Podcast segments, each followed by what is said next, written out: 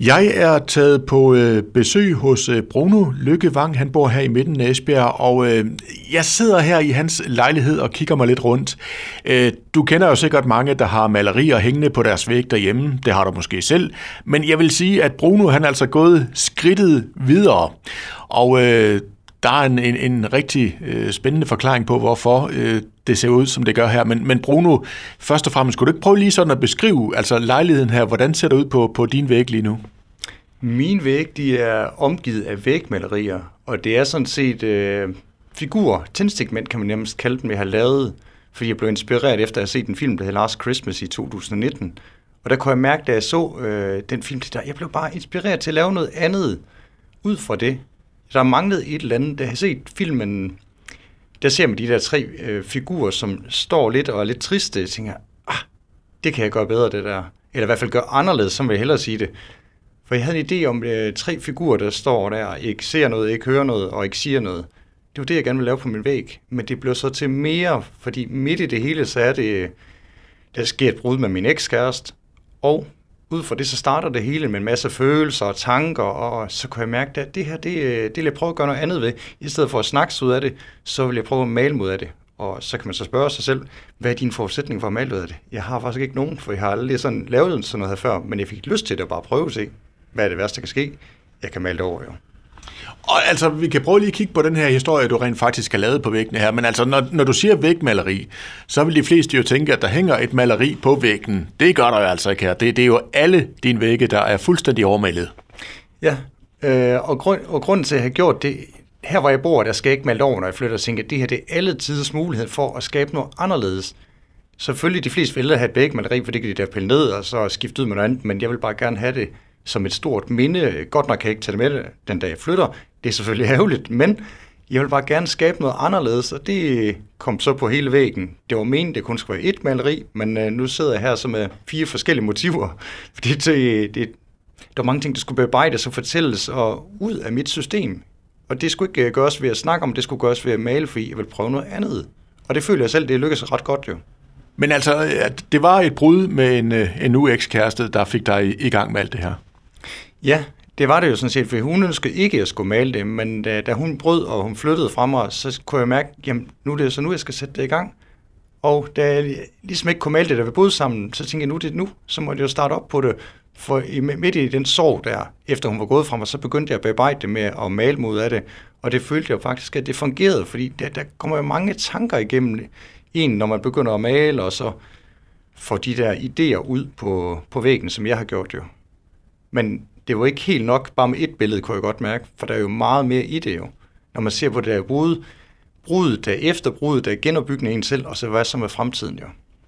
Jamen, vi kan jo prøve sådan lige at løbe historien igennem her, fordi altså, hvis vi sådan kigger her på den, på den første væg her, øh, så, og som du forklarer, så tror jeg, der er noget, at vi mange, mange af os mænd i hvert fald kan, kan relatere til. Prøv lige at fortælle om det. Det her, det, det er jo korrekt, det er noget, vi mænd kan relatere til. Ofte så hører vi mænd ikke efter, hvad konen siger, kæresten så siger vi ikke noget, vi får ikke øh, set, hvad det er, hun gør. Og derfor, de tre figurer, jeg har malet, inklusive en kvinde, det er mig, der står ikke at høre efter, ikke at sige noget og ikke at se hende. Så det er mange mænd, der sådan set relaterer til. Og det, det, alle mine motiver, det handler rigtig, rigtig meget om kærlighed. Det, og derfor kender vi den historie. Det kan godt være, det er den samme historie, som før alle kender. Men hvem har før malet det på væggen som mig? Og det var jo, som du fortæller, altså, som mange oplever det, det der med, at det jo først, øh, altså, da det var for sent, at du opdagede, hov, jeg skulle have hørt efter, og jeg skulle have lyttet, og jeg skulle have mærket kærligheden. Ja, det er korrekt. Øh, og det er jo nok, når det går for, hvad du har mistet, så vil man gøre alt for at få det tilbage, men det er det sgu bare for sent. Og, men så må man bare komme videre. Det er, jo, det er jo det, jeg valgte, men det er ikke altid bare let. Så tænkte jeg, jeg gør det sådan her, bearbejder det ved, ved at male videre jo, og, og komme ud med de følelser. Og det kan man sige, hvis du så prøver at gå på den anden væg her, så kan man jo sige, det er vel den fase netop, hvor, hvor skal man sige, at din verden sådan bryder grus, og øh, du oplever det her med kærligheden her, det, det gik altså desværre ikke. Og jeg tror også mange, der har prøvet et brud, kender den der periode, hvor man føler det hele, det, det er knækket sammen på en eller anden måde. Ja, det er korrekt. Uh, ham, der sidder der på det billede, han sidder jo sådan og tænker, hvad, oh, nej, hvad med nu kærlighed? Hvad sker med livet? Altså, uh, på det skilt, jeg har lavet ved siden af, der står der, does love life matter? Hvem ved det? Øh, så det er sådan, de følelser, der gik igennem mig dengang. Jeg tænkte, hvad skal vi overhovedet med kærester? Hvorfor har vi øh, det liv her? Ej, det er også bare lort, det hele. De illustrerer en mand, som sidder og tænker, om han kan ikke rigtig tænke klart, for det hele er svært. Åh, hans verden er brudt sammen. Og det er bare ikke nemt, hverken med arbejde, med fritid, og han har bare ikke lyst til Han har bare lyst til at sidde hjemme og så bare, bare begrave mig, det er ikke særlig sjovt, det her.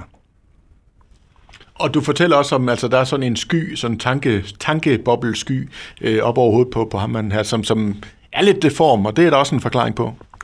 Den er deform, fordi man netop ikke kan tænke klart bagefter et brud. Du, du er jo i sorg. Altså, min eks er jo ikke død, men det er jo stadigvæk en slags sorg, du går igennem, og det er jo bare hårdt at skal gennemgå det der. Og for mig, jeg kunne ikke tænke klart på det tidspunkt, og, og vidste ikke, hvad jeg skulle, og, og, og hvordan jeg skulle komme igennem det. Og det det malerien sådan set har hjulpet mig med at bearbejde for netop at komme videre jo. Hvis vi kigger på muren her på den anden øh, side af, af væggen her, øh, så prøv lige at fortælle, altså hvad illustrerer det? Det illustrerer så mig, det er det næste skridt der, hvor jeg tænker, nu må jeg også tage mig sammen og komme videre. Så står jeg faktisk ved et hjertetræ, hvor jeg står og passer på mit eget hjerte og bygger det op.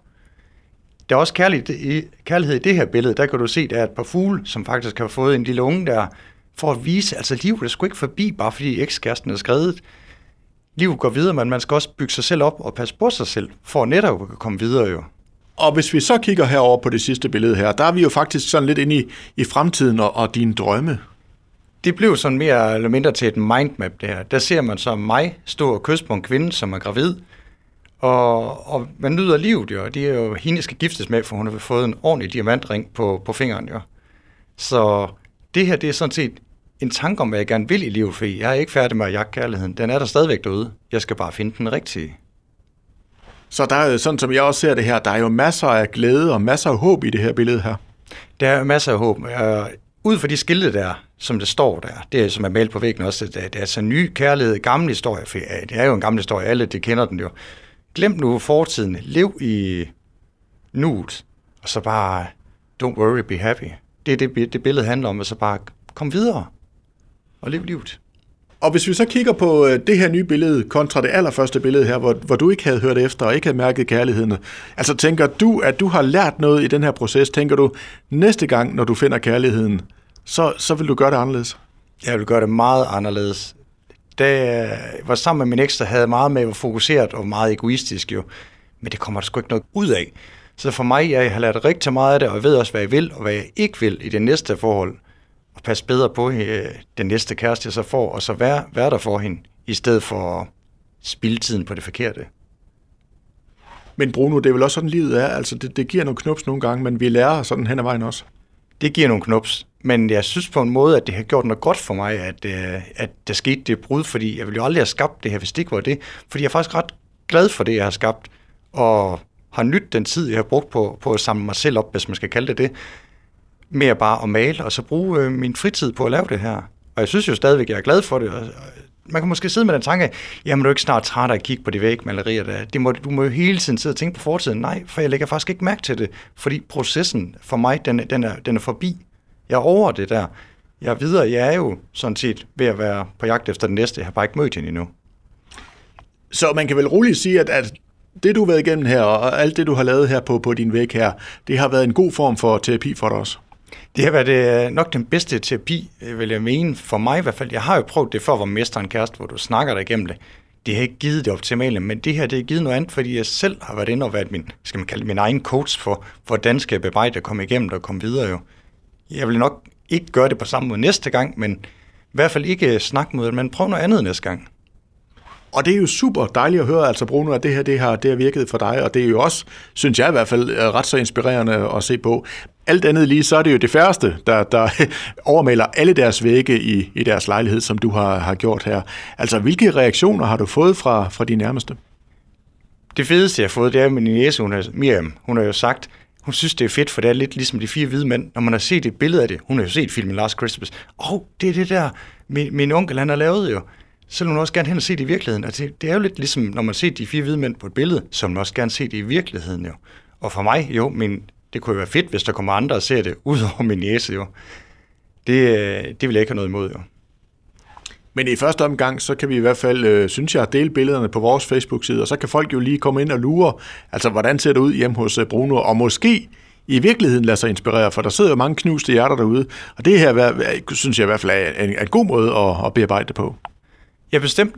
Og skulle der sidde nogen derude og tænke, jamen det kunne da være fedt at snakke med dig vende og dreje det, hvordan du har båret ad og gjort, jamen så er jeg stadigvæk åben over for det, fordi jeg synes, jeg vil gerne hjælpe, hvor man kan jo.